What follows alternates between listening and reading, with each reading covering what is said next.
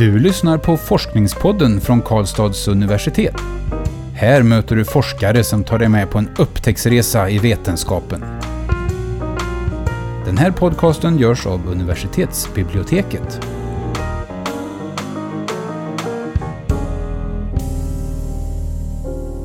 Hej och välkomna till Forskningspodden. Jag heter Karin. Och mitt namn är Magnus. Idag gästas podden av Annika Skog. Välkommen Annika. Tack. Du är verksamhetsutvecklare och barnmorska i Region Värmland och doktor i omvårdnad. Din avhandling heter Patient Safety in Interpartum Care Adverse Events and Healthcare Professionals Perceptions of Patient Safety Patient Safety Culture and Teamwork. Berätta om din avhandling. Vad handlar den om? Ja, den, här, den här avhandlingen det är ju ämnet omvårdnad och den här handlar just om, om det som titeln säger, det vill säga kunskap om skador och vårdpersonals uppfattningar av patientsäkerhet, patientsäkerhetskultur och teamarbete. Hur kom du på idén att skriva om just det här ämnet? Kan man säga att det är en kombination mellan att man får göra en omfattande litteraturundersökning för att se vad som det finns forskat om redan det som kom fram i vår forskningsprocess under de här delstudierna. Vill du berätta lite om eh, de delstudierna som, som gjordes? Ja, min avhandling handlar om, eh, eller består av fyra delstudier. Jag kallar dem paper, paper 1 till 4. Och det första, det första är en, del, är en skadestudie där jag tittar på förekomsten av skador för kvinnor med planerad vaginal förlossning. Och då gjorde jag en journalgranskning som består av 311 eh, förlossningar. Och då kom jag fram till att de vanligaste skadorna det var förlossningsbristningar av grad 3-4 och blåsöverfyllnad. Och det handlar om urinblåsan då som blir överfylld. Och det tredje var anestesirelaterade skador. Alltså med anestesi, det är narkosen då? Precis, det är, i det här fallet så var det skador förknippade till en bedövningsform om man vill ha en epiduralbedövning. De frekventaste skadorna då var postspinal huvudvärk som är en, en negativ effekt av en epiduralbedövning. Lite nyfiken på, är det, mm. är det här ett nytt område som du studerar? Är det först ut på det eller har det gjorts mycket forskning på, på det här tidigare? Den här skadestudien som är det första då, jag kan återkomma till de del, del 2, 3 och 4 sen, men den här skadestudien som jag har gjort som är paper 1, den baserar sig på en metod som på internationellt språk kallas Global Trigger Tool och på svenska markörbaserad journalgranskning. Vi har inte sett någon sån studie i Skandinavien utan det är i alla fall den första i Sverige. Det låter ju oerhört viktigt tänker jag att man får den grunden och ser vad det är för, för något som kan hända i, i förlossningssituationer. Mm. Precis och det har varit viktigt att eh, titta på skador i, ens, i bara förlossningsvård för det finns studier som kombinerar förlossningsvård och gynekologisk vård och förlossningsvård och kirurgisk vård. Men just att man enbart tittar på förlossningsvård det är mer sällsynt med sådana studier. Och i Sverige pågår det ett nationellt patientsäkerhetsarbete som man alltid mäter förekomst av skador med den här metoden som heter markörbaserad journalgranskning och då kombinerar man just gynekologi och förlossningsvård. Men då kan man som sagt inte dra de explicita slutsatserna av skador i förlossningsvård. Kan du berätta om de andra delstudierna? Ja, delstudie två det är en intervjustudie där jag har intervjuat barnmorskor och läkare och undersköterskor som jobbar på tre olika förlossningsavdelningar. Och då var jag är intresserad av hur de uppfattar patientsäkerhet med fokus på kvinnan i samband med förlossning. Och då kom jag fram till att det var fyra kategorier och det blev nio uppfattningar. De fyra olika kategorierna de handlade om kvinnan, födelseprocessen, individen och teamet och att hantera arbetsbelastning och lärande. Och de nio uppfattningarna tänkte jag att jag skulle kunna kort bara formulera här då. För de säger väldigt mycket om får man tänka att det är fokus på patientsäkerhet. Vad, vad man ser är patientsäkerhet. Stödja kvinnan, lyssna på kvinnan, följa förlossningens skeenden, undvika onödiga interventioner, använda varandras kompetens, sträva efter öppenhet och ett tolerant atmosfär, stödja nya kollegor, ha en rimlig arbetsbelastning och lära av kritiska händelser. Och det skulle jag vilja säga, man kan se det som om man tänker en modern terminologi som kallas Patient Safety 2 där det är fokus mer på närvaro och säkerhet utifrån den nya synen och se på eller den kompletterande synen som man kan se på patientsäkerhet så tycker jag att delstudie 2 då belyser det här Patient Safety 2 perspektivet.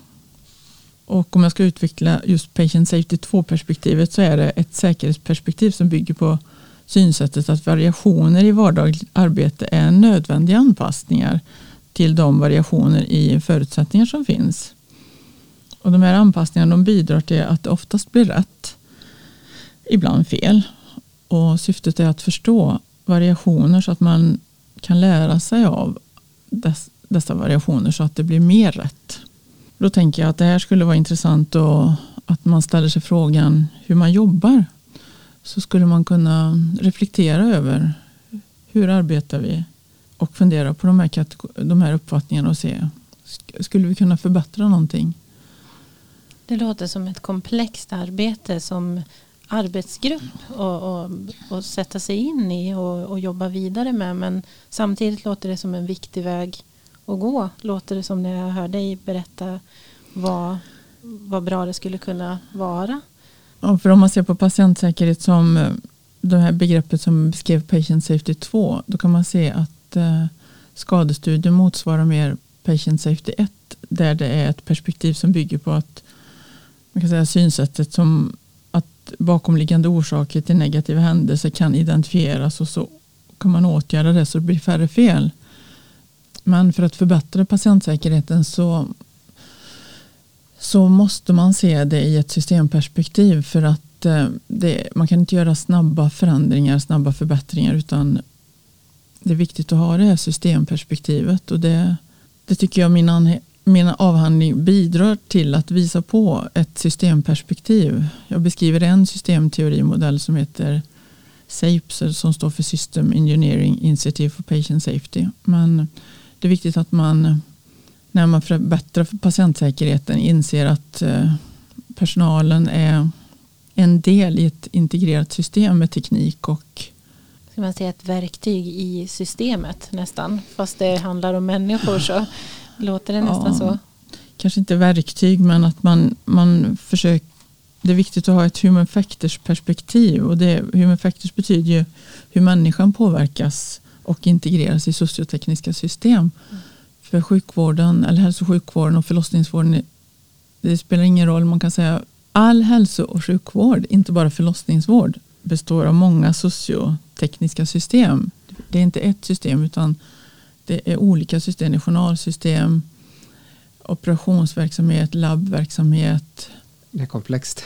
Det är komplext ja. så att man, man måste, om man tänker runt rutiner så, så kan man ha olika, alltså rutinerna ska då integreras i en sån här verksamhet och vi ska förstå dem. Och man kan se att rutiner kanske mer, man kan säga att rutinerna utformas i en ände utav en organisationsform som man säger som den trubbiga änden. Medan vårdpersonal jobbar i den skarpa änden. Och för att få en god patientsäkerhet genom processer så måste man eh, vara medveten om de här två ytterligheterna och att det finns en skillnad mellan begrepp som kallas work as imagine and work as done. Och det här är begrepp som forskaren Erik Kollnagel har utformat. De tycker jag säger väldigt mycket att, att man kan se på rutiner på olika sätt beroende på vilket perspektiv man betraktar. Och, och den som ska utföra och ha stöd av en rutin är mer så att säga satt i den skarpa änden och att det kan gå fel. Så att vi måste ha ett större, en större samverkan hur, rutin, hur rutin, rutiner ser ut och hur, de, hur, hur lätta de är att använda. Är det någonting som saknas idag, just den samverkan? Kanske förståelse för systemperspektivet eh, saknas, men det kan bli bättre tänkte på de här tre olika avdelningarna som du eh, tittade på. Såg du skillnader eh, mellan dem i vad, man, av, i vad de här olika nio uppfattningarna till exempel som de tryckte på? Eller? Mm.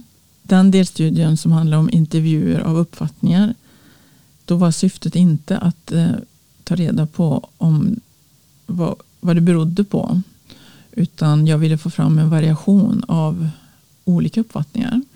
Men däremot så i, om vi hoppar till studie 4. Där undersökte jag vårdpersonalens uppfattningar av patientsäkerhetskultur och teamarbete. Och där vill jag veta om det fanns några skillnader mellan professionerna och mellan de här tre avdelningarna. Och vad var det du fann där? Kan du berätta mer om det? Ja, en övergripande bild var att det var en positiv eh, uppfattning av patient, både patientsäkerhetskultur och teamarbete.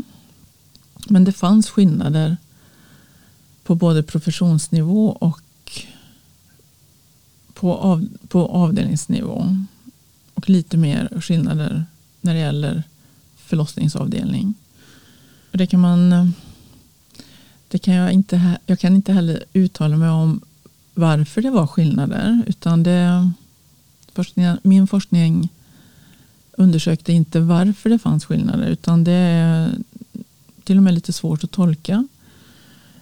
Om man tittar på utfall från medicinska födelseregister så kan man se att det finns en variation av utfall av till exempel kejsarsnitt, graden av användning av epidural anestesi och induktioner. Så den här variationen i Sverige är ju intressant att studera och i förlängningen så betyder det ju att Eh, det, är, det blir olika i olika delar av eh, landet.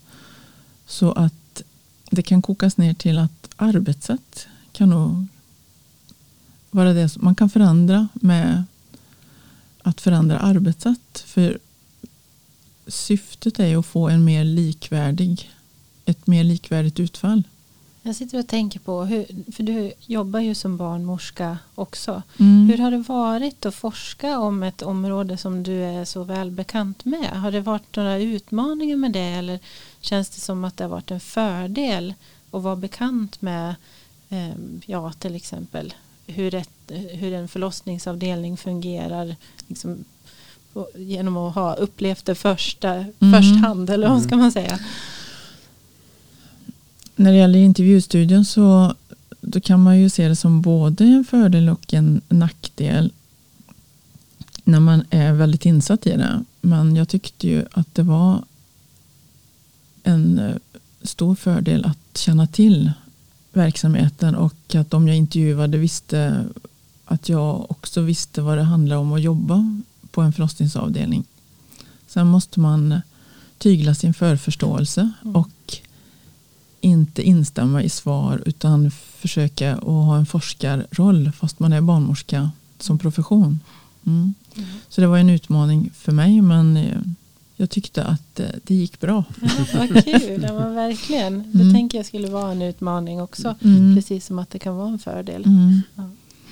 Sen ju fler studier man gör, ju fler intervjustudier man gör, ju bättre blir man på, på att intervjua och få rika svar. Det vill säga att de beskriver mycket. För annars får man ju så att säga klippa bort det i resultatet som inte är deras uppfattningar. Utan min roll som forskare är ju att försöka borra vidare i deras svar. Mm. Vad är patientsäkerhet? Mm. Mm. Var det någonting i den här eh, forskningsprocessen som förvånade dig? Något resultat eller någonting som stack ut sådär oväntat? När det gäller skadestudien så får jag nog säga att det, att det var så mycket blåsöverfyllnad. Att, det, att blåsöverfyllnad är vanligt, det vet man inom andra kontext. Men eh, i förlossningsvård så, så tänker jag att eh, det är en i högsta grad eh, undvikbar skada. Med god omvårdnad och ett bra teamsamarbete så, skulle det vara möjligt att förebygga mer så att det skulle bli en mindre frekvens. Sen handlar det förstås om hur man mäter det och det är väl det jag tänker på nu att jag skulle vilja jobba för att eh, förbättra diagnoskoden just för blåsöverfyllnad. För att på sikt jobba mer med att titta på, titta på förekomsten av blåsöverfyllnad när man får en enhetligare förståelse för vad blåsöverfyllnad är. Om att, och det, att det kanske ska differentieras till att innehålla upp till 500 ml och upp till, upp till 1000 ml. Mm. Nu är den väldigt vag den diagnoskoden som finns. Så det är något som jag skulle vilja jobba för och har ett pågående samarbete med en blivande uroterapeut och även med min kollega på kvinnosjukvården. Jag funderar lite på just i, i praktiken så där, för någon som inte alls är insatt eh, i arbetet på en förlossningsavdelning. Så vad, vad kan hända eller hur märker man ens som vårdpersonal att, att en blåsa håller på att överfyllas? Liksom, hur, hur går det där till egentligen? Är det, och är det det som är problemet här någonstans? Mm. Att man inte har tillräckligt bra metoder för att upptäcka det? Eller kan du berätta lite mer? Var? Det är många faktorer som gör att det är ökad risk för att få en blåsöverfyllnad. Det är ett flertal faktorer. Att vara förstföderska är ökad risk. Sen är det ökad risk när man har använt oxytocinstimulerande dropp och det är ganska vanligt. Även efter epiduralbedövning och spinalbedövning. Om man har haft en omfattande bristning eh, eller om det är väldigt smärtande bristning. Om man har haft morfinpreparat under, som bedövning. Så det finns en rad riskfaktorer men sen så kan det gå olika fort att blåsan blir överfylld och det, det är komplexiteten. Just i Karlstad har vi en gräns på två, att man ska ha tömt blåsan efter två timmar. Okay. Och annars så får man eh, kontrollera blåsans innehåll med en ultraljudsundersökning, blädderscan. Eller så är den osäker eller inte eller om den visar ett stor, stor volym så tappar man urinblåsan eller om man är osäker så tappar man. Men sen, det kan gå olika fort det är väl det som har varit en utmaning att eh, det kan gå på mindre än två timmar också.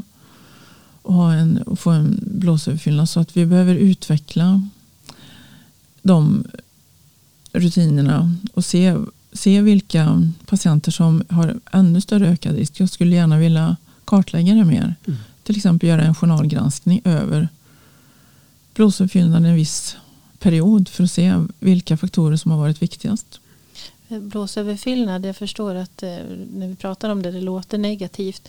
Men vad, i realiteten för kvinnan, vad innebär det att få en blåsöverfyllnad som födande kvinna? Det kan innebära bara att man blir urintappad en gång och sen händer inget mer. Men eh, har man haft så mycket i blåsan som över tusen milliliter så sätter vi i Karlstad så sätter vi en kateter över tusen milliliter. Då får man ha den i avlastande syfte vid ett visst antal dagar och sen tas den bort och i värsta fall så kan man få blåstömningsbekymmer och de kan vara periodvisa eller i värsta fall få en bestående skada. Men i min skadestudie så var det ju ingen av skadorna som var en bestående skada utan alla var av övergående natur. Det kan vara nog problematiskt ändå kan jag tänka mig. Det kan, vara, det kan det absolut vara för att även om man inte får en skada så är det rejält obekvämt att ha en kateter hemma när man har ett litet barn. Och man ska amma och man ska förflytta sig och man ska vända sig i sängen. Och, och man ska gå på promenader. Så att det, det stör ju mm.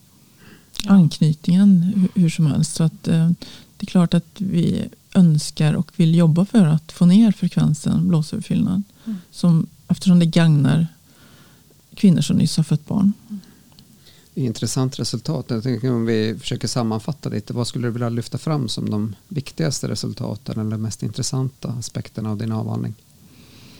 Om jag ska gå från varje delstudie så är ju när det gäller skadestudien så är de här tre, tre, störst, tre frekventaste skadorna. Blåsöverfyllnad, nej då, för, då är det först grad 3-4 blåsöverfyllnad och anestesirelaterade skador. Men jag skulle också vilja passa på att lyfta fram att Eh, att, det finns ett behov att eh, uppdatera markörbaserad journalgranskning när det gäller när det gäller de här, in, markör, de här markörerna som man ska leta efter och hur man definierar dem så finns det mer forskning som man kan så att säga, förbättra den evidensbaserade grunden på. När det gäller intervjustudien så tycker jag att jag kan lyfta fram att man ser att, att det finns ett stort fokus på att just lyssna på kvinnan och stödja kvinnan är en stor del. Och det är ingen teknisk aspekt utan det är ju en eh, mänsklig egenskap som, som vi har i vårt instrument som barnmorskor. Att vi ska finnas närvarande och vara med och ha en relation med kvinnan och bistå henne i hela processen.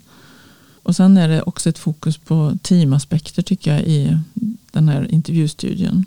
Tredje delstudien handlade om ett instrument som vi validerade för att sen kunna använda i delstudie 4. Delstudie 4, vill du berätta lite mer om vad du fann där? Ja, det jag skulle vilja passa på att lyfta fram det var att i en regressionsanalys som där man kan säga att relationen mellan två variabler utforskas så visade det sig att fyra av fem dimensioner för teamarbete förklarade 40 procent av variansen för utfallsdimensionen av övergripande uppfattning av patientsäkerhet. Om man ska ta förenkla det ytterligare kan man säga att teamarbete har stor betydelse för patientsäkerheten. Det låter ju som en ganska bra sätt att knyta ihop det här på eller börja knyta ihop det på i alla fall. Är det någonting du skulle vilja lyfta fram med, med din avhandling som vi inte har berört hittills? Någon, någon särskild del eller någonting i, i den som du vill ta fram? Ja, jag skulle kunna berätta eller citera ett citat från intervjustudien. För i, I avhandlingen så har jag ingen, inget citat när jag beskriver ramberättelsen men i delstudie 2 så finns det flera citat. Då tycker jag att det här är ett bra citat som beskriver komplexiteten och hur man kan jobba då för att få en bättre patientsäkerhet. Det är en vårdpersonal som säger att man har förtroende för varandra, att man kan säga högt vad man tänker på och kan resonera om en handläggning och erkänna att svaren inte är självklara, att man vill föra ett resonemang. Tusen tack Annika för att du var med i Forskningspodden. Vi önskar dig lycka till mm. i framtiden. Tack. Om du som lyssnat vill läsa Annika Skogs avhandling så finns den att ladda ner i vår publikationsdatabas DIVA. Vi vill också passa på att tacka dig som lyssnar på podden. Välkommen att lyssna på nästa avsnitt. Du har lyssnat på Forskningspodden från Karlstads universitet. Den här podcasten görs av universitetsbiblioteket. Alla avsnitt hittar du på kau.se forskningspodden.